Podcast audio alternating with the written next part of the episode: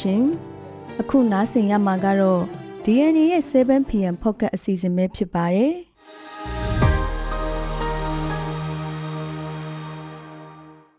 ဒီကနေ့ဇန်နဝါရီလ9ရက်နေ့ရဲ့ Focus အတန်လွင့်အစီအစဉ်မှာတော့ဝါရည်မြမတန်အဆိုပညာရှင်မမအေးကွယ်လုံးနဲ့ဆိုတဲ့တဲ့ကွင်းလုံမှာကူကန်တက်ကတက်သားစုဆောင်းနေလို့ဒေသခံတချို့နေရမပြန်ရဲသေးဘူးဆိုတဲ့တဲ့တဝဲထောင်မှာနိုင်ချင်းတူ စေကူတာခွင့်မရလို့မျက်စိကွယ်လို့နီးပါဖြစ်နေတယ်ဆိုတဲ့တဲ့အာဆီယံဥက္ကဋ္ဌတစ်လာအိုကဝန်ကြီးဟောင်းတဦးကိုမြန်မာနိုင်ငံဆိုင်ရာ အထူးကိုယ်စားလှယ်ခန့်အပ်တဲ့ဆိုတဲ့တဲ့နေအိမ်တရားကျော်မိရှုခံရဘူးတဲ့လောင်းလုံမြို့နယ်ညောပြင်ရွာကိုစစ်တပ်ကမိထက်ရှို့ရဲဆိုတဲ့တဲ့စတဲ့ပြည်တွင်းသတင်းတွေနဲ့အတူပထမဆုံးလပေါ်ဆင်းသက်မဲ့ပုဂ္ဂလိကအာကာသခီးစဉ်လွှတ်တင်ပြီးမှပြဿနာကြုံနေတဲ့ဆိုတဲ့တဲ့ မိခွန်းပြောနေချိန်ဆန္ဒပြသူတွေအနှောက်ယှက်ပေးတာခံခဲ့ရတဲ့ဘိုင်ဒန်စတဲ့နိုင်ငံတကာသတင်းတွေကိုနားဆင်ရမှာဖြစ်ပါတယ်ရှင်ဒီအစီအစဉ်ကိုတော့ကျမစိတ်နဲ့အတူမနန်းခန့်ကတင်ဆက်ပေးပါမယ်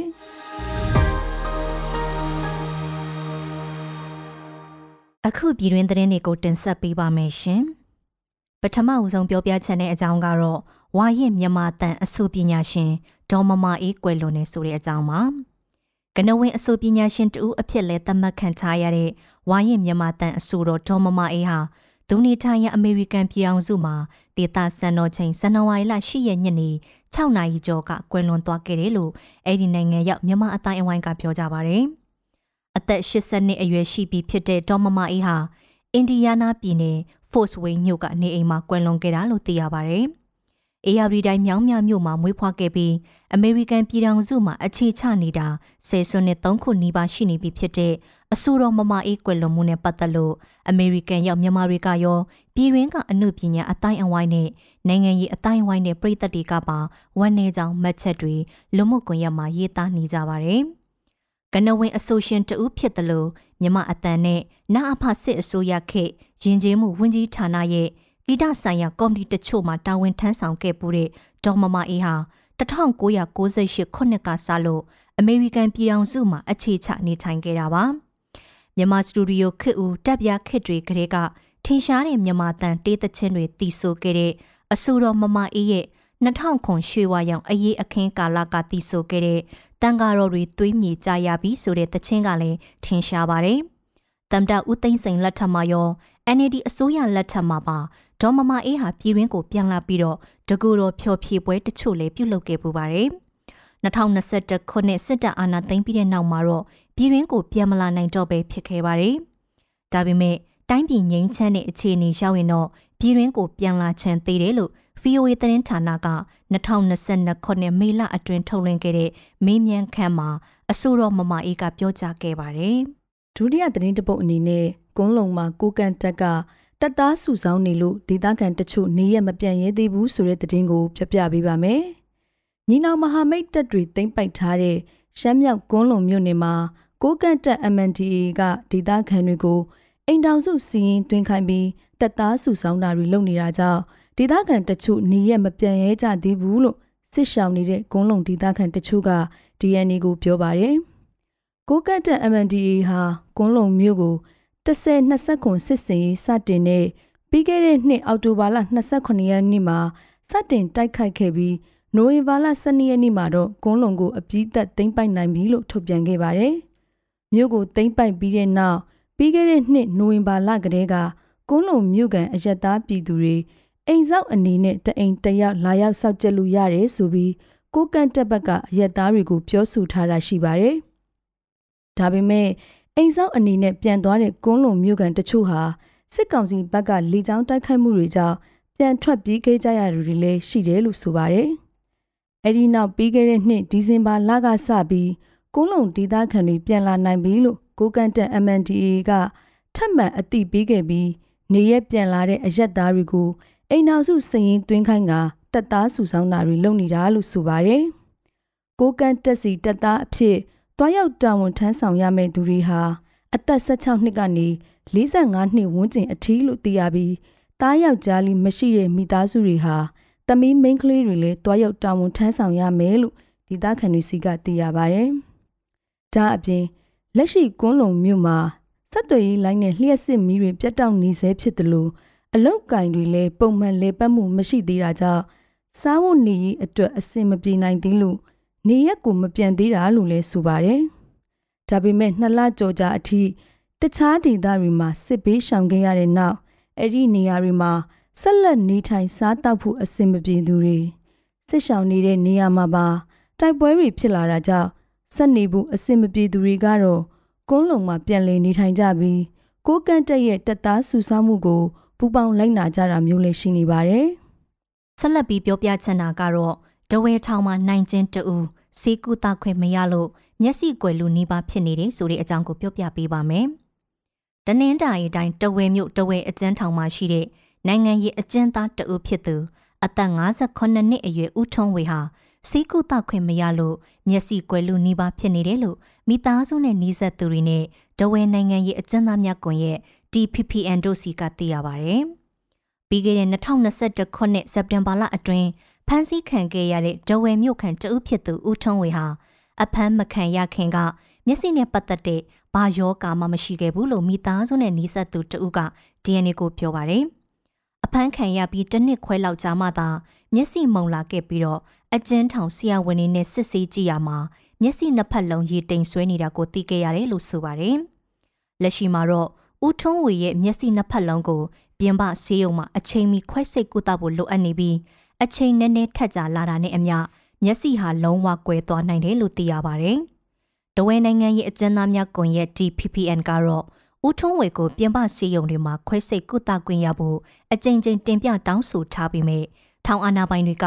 အခုထိခွင့်မပြုသေးဘူးလို့ထုတ်ပြန်ထားပါတယ်။အဖမ်းခံရပြီးတဲ့နောက်အကြမ်းဖက်ပုံမှန်52ကကြီးရာဇသက်ကြီးဥပဒေပုံမှန်905ကကြီးတို့နဲ့တရားစွဲဆိုခံခဲ့ရတဲ့ဦးထွန်းဝေဟာ3လလောက်အကြာမှာပဲ ထောင်ဒဏ်9နှစ်ချမှတ်ခံခဲ့ရပါတယ်။စစ်ကောင်စီဟာနိုင်ငံတော်ဝန်အကျဉ်းထောင်တွေမှာစေဝါကုသမှုအလုံးအလောက်မပေးတာကြောင့်ပြီးခဲ့တဲ့2023ခုနှစ်တနှစ်အတွင်းမှာပဲနိုင်ကျင်း18ဦးအထိအသက်သေဆုံးခဲ့တယ်လို့မြန်မာနိုင်ငံလုံးဆိုင်ရာနိုင်ငံရေးအကျဉ်းသားများကွန်ရက်ရဲ့အချက်အလက်တွေအရသိရပါတယ်။ဆက်လက်ပြီးအာဆီယံဥက္ကဋ္ဌသစ်လာအိုကဝန်ကြီးဟောင်းတဦးကိုမြန်မာနိုင်ငံဆိုင်ရာအထူးကိုယ်စားလှယ်ခန့်အပ်တဲ့ဆိုတဲ့သတင်းကိုတင်ဆက်ပေးပါမယ်။ အာဆီယံအလှည့်ကျဥက္ကဋ္ဌဖြစ်လာတဲ့လာအိုနိုင်ငံကဝန်ကြီးဟောင်းတဦးကိုမြန်မာနိုင်ငံဆိုင်ရာအာဆီယံအထူးကိုယ်စားလှယ်အဖြစ်ခန့်အပ်လိုက်ပါတယ်။2021ခုနှစ်အာဏာသိမ်းပြီးနောက်အာဆီယံခေါင်းဆောင်တွေကြားသဘောတူညီမှုအရအလှည့်ကျဥက္ကဋ္ဌနိုင်ငံတွေကမြမအရေးဖြည့်ရှင်းပေးဖို့အထူးကိုယ်စားလှယ်တဦးစီခန့်အပ်နေကြတာဖြစ်ပါတယ်။လက်ရှိအာဆီယံအလှည့်ကျဥက္ကဋ္ဌလာအိုနိုင်ငံအနေနဲ့အခုလနောက်ဆုံးပတ်အတွင်းကျင်းပမယ့် အာဆီယံနိုင်ငံသားရေးဝန်ကြီးများအစည်းအဝေးမတိုင်ခင်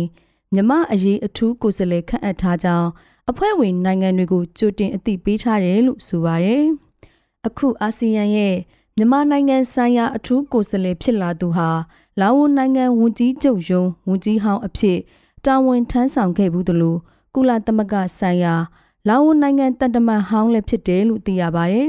။အာနာသိမ့်ပြီးနောက်ကမ္ဘောဒီးယားနဲ့အင်ဒိုနီးရှားနိုင်ငံတွေကတော့ သက်ဆိုင်ရာနိုင်ငံသားရေးဝန်ကြီးတွေကိုမြန်မာနိုင်ငံဆိုင်ရာအထူးကိုယ်စားလှယ်အဖြစ်ခန့်အပ်ခဲ့တာပါ။လက်ရှိမြန်မာနိုင်ငံဆိုင်ရာအထူးကိုယ်စားလှယ်ဖြစ်တဲ့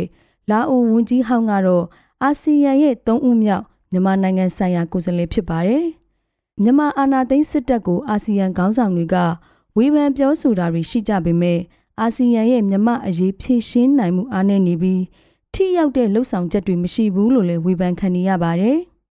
ဆက်လက်ပြီးပြောပြချင်တဲ့အကြောင်းကတော့နေအိမ်တရာကျော်မီးရှို့ခံရဖူးတဲ့လောင်းလုံးမြို့နယ်ညောပြင်ရွာကိုစစ်တပ်ကမီးထက်ရှို့တယ်ဆိုတဲ့အကြောင်းပါ။တနင်္သာရီတိုင်းလောင်းလုံးမြို့နယ်ညောပြင်ရွာထဲကိုစစ်ကောင်စီတပ်ကဇန်နဝါရီလ10ရက်မနေ့ညနေ9:00နာရီလောက်မှာစစ်ကြောင်းထိုးဝင်ရောက်လာခဲ့ပြီးတော့နေအိမ်တွေကိုမီးရှို့ဖျက်ဆီးခဲ့တယ်လို့ဒေသခံတွေက DNA ကိုပြောပါတယ်။လောင်လုံးမျိုးရဲ့တောင်ဘက်မိုင်30ခန့်အကွာကဂပ်ပလီပင်လယ်ပြင်နဲ့ကက်ရက်ရှိတဲ့ညောပြင်ရွာတွေကို ပြီးခဲ့တဲ့2023ခုနှစ်မတ်လတုန်းကလည်းစစ်ကောင်စီတပ်ကဝင်ရောက်လာပြီးနေအိမ်တရာကျော်ကိုမီးရှို့ဖျက်ဆီးခဲ့ပူပါတယ်။အင်အားတရာဝန်းကျင်ရှိနိုင်တဲ့စစ်ကောင်စီတပ်ဖွဲ့ဝင်တွေဟာ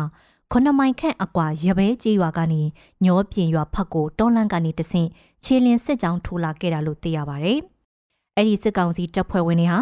ရွာထဲမဝင်ခင်ရွာအနီးကတောတောင်တွေထဲနေမြေရှင်းလင်းရင်းရှာဖွေမှုတွေလုပ်ရမှာကာကွယ်ရေးတပ်တွေရဲ့စခန်းဟောင်းတစ်ခုကိုတွေ့ရှိပြီးတော့ အဲ့ဒီစခန်းကိုအရင်မီးရှို့ဖျက်ဆီးခဲ့တယ်လို့ရွာခန်းတွေကပြောပါတယ်။အခုဒုတိယအကြိမ်မြောက်အဖြစ်မီးရှို့ခံခဲ့ရတဲ့ညောပြင်ရွာနဲ့အနီးတစ်ဝိုက်မှာကာကွယ်ရေးတပ်တွေနဲ့စက်ကောင်စီတပ်တို့ကြားထိရိတိုက်ပွဲဖြစ်ပွားခဲ့တာလည်းမရှိခဲ့ဘူးလို့ဒေတာခန်တွေကဆိုပါတယ်။အင်ဂျီ300ထပ်မင်းရှိတဲ့ညောပြင်ရွာကရွာခန်တွေကတော့စက်ကောင်စီတက်စစ်ကြောင်ရွာနာမရောက်ခင်ကတည်းကတရင်ကြိုရလို့ရွာလုံးကျွတ်ထွက်ပြေးတိမ်းရှောင်ခဲ့ကြရတယ်လို့သိရပါတယ်။ ညောပြင်ရွာထဲမီးရှို့ဖျက်ဆီးခဲ့တဲ့စက်ကောင်စီတပ်ဖွဲ့ဝင်တွေဟာဒီကနေ့မနက်ပိုင်းမှာတော့အနီးအနားမှာရှိတဲ့အောက်ကျဝတ်ကြီးရွာတွေကိုရောက်ရှိနေပြီးအဲ့ဒီမှာလည်းမီးရှို့ဖျက်ဆီးတာတွေလုပ်နေတယ်လို့ပြောကြပေမဲ့အခြေအနေအသေးစိတ်ကိုတော့မသိရသေးပါဘူး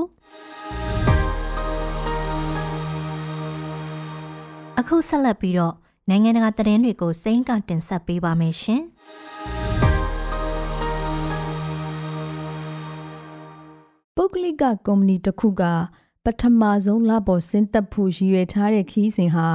စိုးရိမ်ရတဲ့ပြဿနာတစ်ခုနဲ့ကြုံတွေ့နေကြောင်းသိရပါတယ်။အာကာသစက်ရုပ်နည်းပညာကုမ္ပဏီ Astrobotic Technology ကတည်ဆောက်ထားတဲ့လမျက်နှာပြင်ဆင်းသက်ရေးစက်ရုပ်ရင်ငယ် Peregrine ကိုတည်ဆောက်သွားတဲ့ဒုံးပျံကိုဇန်နဝါရီ10ရက်မှာဖလော်ရီဒါပြည်နယ်ကနေလွှတ်တင်ခဲ့ပါတယ်။အဲ့ဒီ Vulcan ဒုံးပျံကို United Launch Alliance ကတည်ဆောက်ထားတာပါ။ လမျက်နှာပြင်ပေါ်ဆင်းသက်မဲ့ပထမဆုံးအရက်ဖက်အာကာသမစ်ရှင်လည်းဖြစ်ဆယ်စုနှစ်၅ခုကျော်ကာလအတွင်းလကိုဆင်းသက်ဖို့အမေရိကန်ရဲ့ပထမဆုံးအကြိမ်ပြန်လည်အားထုတ်မှုလည်းဖြစ်တဲ့ခီးစဉ်ဟာလောလောဆယ်တော့ပြဿနာကြီးတစ်ခုကြုံနေပါတယ်။အဲ့ဒါကတော့ဒုံးပြန်ဟာမျော်လင့်ထားတာထက်လောင်စာဆုံးရှုံးမှုတွေအများများနေတဲ့ကိစ္စပါ။ဒါကြောင့်မစ်ရှင်တစ်ခုလုံးရဲ့အောင်မြင်နိုင်ခြင်းဟာ90 90အနေအထားမျိုးထိမရေမရာဖြစ်လာတယ်လို့ဆိုပါတယ်။ Astrobotic Company ကလာစင်းရင်ရဲ့ထိပ်ဖူးမှာတက်ဆင်ထားတဲ့ဆိုလာပြားတွေဟာဒလက်စနစ်ချုပ်ရွေးမှုကြောင့်နေရှိရာဘက်ကိုလှည့်လို့မရဘဲ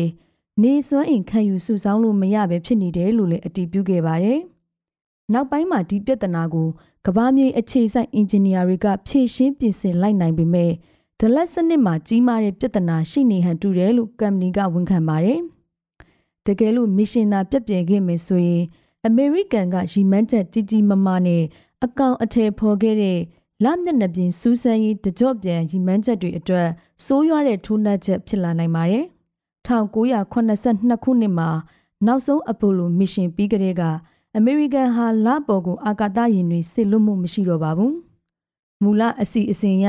အာကာသယာဉ်ဟာလရဲ့ပလန်အတိုင်းပြန်တန်းနေရင်သိပ္ပံအချက်အလက်တွေစုဆောင်းယူနေပြီး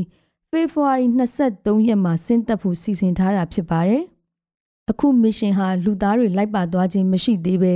မစ်ရှင်အောင်မြင်မှုအခြေအနေပေါ်မူတည်ပြီးလူသားတွေကိုစေလွတ်မဲ့နောက်ဆက်တွဲကိစ္စကိုအကောင့်ထဲပေါ်ဖို့ရည်ရွယ်ထားပါတယ်။ United Launch Alliance ဟာအာကာသစူးစမ်းရေးမစ်ရှင်တွေအတွက်ဘီလီယံနာတထေးကြီး Elon Musk ပိုင်ဆိုင်တဲ့ SpaceX နဲ့ဈေးကွက်အပြိုင်လူနေတဲ့ကမ္ပဏီဖြစ်ပြီး Vulcan ဒုံးပျံရဲ့ အောင်မြင်မှုကြာရှုံးမှုတိုင်းဟာကုမ္ပဏီရဲ့အနာဂတ်အတွက်ကြီးမားတဲ့တက်ရောက်မှုတွေရှိလာနိုင်ပါတယ်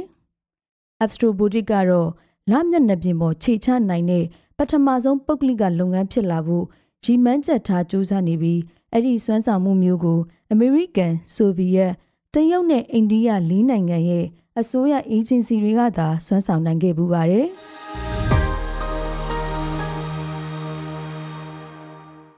အမေရိကန်သမ္မတဂျိုးဘိုင်ဒန်ဟာမိခွန်းပြောနေတဲ့အချိန်ဆန္ဒပြသူတွေရဲ့ဂျားပြတ်နှောက်ယှက်မှုနဲ့ကြုံတွေ့ခဲ့ပါတယ်။2015ခုနှစ်တုန်းကလူပြူအစိုးရဝါဒီတဦးရဲ့ပြစ်ခတ်မှုကြောင့်လူမဲဝတ်ပြုသူ15ဦးသေဆုံးခဲ့ရာတောင်ပိုင်းကာရိုလိုင်းနာပြည်နယ်မေရော်အီမဲနူရယ်ဖျားကျောင်းမှာဘိုင်ဒန်ကမဲဆွယ်မိခွန်းပြောကြားနေချိန်ဇန်နဝါရီ10ရက်မှာပါလက်စတိုင်းလူလာတဲ့ဆန္ဒပြသူတွေနှောက်ယှက်တာကြုံခဲ့တာဖြစ်ပါတယ်။ အဲ့ဒီနေရာမှာဆုံးရှုံးခဲ့ရတဲ့အသက်တွေကိုတန်ဖိုးထားဂယုစိုက်သူတိုင်းဟာပါလက်စတိုင်းမှာအပြစ်ခတ်ရက်စဲရေးကိုလည်းလေးစားပေးသင့်တယ်လို့ဆန္ဒပြသူတဦးကအော်ဟစ်ခဲ့ပါတယ်။ဘိုင်ဒန်ဟာဂါဇာစစ်ပွဲမှာအစ္စရေးဘက်ကထောက်ခံရည်တည်ခဲ့တဲ့အပေါ်ဆန္ဒပြဝေဖန်မှုတွေမကြာခဏကြုံနေရပါတယ်။ပြီးတော့လူပြူမဟုတ်တဲ့မဲဆန္ဒရှင်လူငယ်လူရွယ်တွေကြားမှာလည်းအဲ့ဒီဆုံးဖြတ်ချက်အပေါ်မိကွန်းထုတ်မှုတွေပုံမများပြားလာနေပါတယ်။ ဘိုင်ဒန်ရဲ့မိကွန်းဟာ လူမဲမဲဆန္ဒရှင်တွေရဲ့ထောက်ခံမှုကိုပုံမရရှိအောင်ရည်ရွယ်ထားခဲ့ပေမဲ့အရှိအလေပိုင်းပြည်ပခါနဲ့ပတ်သက်တဲ့အစိုးရရဲ့မူဝါဒတွေကိုအကြောင်းပြုပြီးလူမှုကြားမှာသဘောထားကွဲလွဲမှုတွေနက်နက်ရှိုင်းရှိုင်းဖြစ်ပေါ်နေပါတယ်။သန္နပြသူအမျိုးသားတဦးနဲ့အမျိုးသမီးနှစ်ဦးကိုတမရရဲ့လုံခြုံရေးအေဂျင့်တွေခြံရံပြီးဖះเจ้าနဲ့ကခေါ်ထုတ်သွားပြီးတဲ့အခါမှာတော့ဘိုင်ဒန်ကသူတို့တွေရဲ့ရက်တီတောင်းဆိုမှုကို လေးစားကြောင်းပြောကြားခဲ့ပါတယ်။ဘိုင်ဒန်ကသူဟာဂါဇာမှာအယက်သားပြည်သူတွေထိခိုက်ဒေဆုံးမှုအ ਨੇ ဆုံးဖြစ်အောင်အစ္စရေးအစိုးရနဲ့အစွမ်းကုန်ညှိနှိုင်းဆောင်ရွက်နေတယ်လို့လည်းဆိုပါတယ်။လွှတ်တော်မှာပြောကြားတဲ့မိကုံးမှာတော့ဘိုင်ဒန်ကလူမျိုးရေးခွဲခြားမှုတွေနိုင်ငံရေးအခြေပြုစုပူရန်ကားမှုတွေကိုအဓိကထားဝေဖန်သွားပြီးအဲ့ဒီကိစ္စတွေဟာသူ့ရဲ့အဓိကပြိုင်ဘက်ဖြစ်လာနိုင်တဲ့ တမဒဟောင်းဒေါ်နယ်ထရန့်နဲ့ဆက်နွယ်နေနိုင်တယ်လို့လည်းသွယ်ဝိုက်ဆွဆွဲထားပါတယ်။အမေရိကန်မှာအမှန်တရားဟာတိုက်ခိုက်ထိုးနှက်ခံနေရကြောင်းအဲ့ဒီအတွက်အကျိုးဆက်တွေဟာအမေရိကန်ရဲ့လွတ်လပ်မှုဒီမိုကရေစီတွေကိုပါထိခိုက်လာနိုင်ကြောင်းဘိုင်ဒန်ကတတိပေးခဲ့ပါတယ်။သူက2020ရွေးကောက်ပွဲမှာရှုံးနိမ့်ခဲ့တဲ့ရလဒ်ကိုညှင်းဆန်ခဲ့မှုတဲ့ Trump ရဲ့လှုပ်ရဟာအမေရိကန်ပြည်တွင်းစစ်ရှုံးနိမ့်မှုကိုလက်မခံနိုင်ခဲ့သူတွေရဲ့ သဘောထားနဲ့တူတူပဲလို့လည်းဝေဖန်သွားခဲ့ပါတယ်။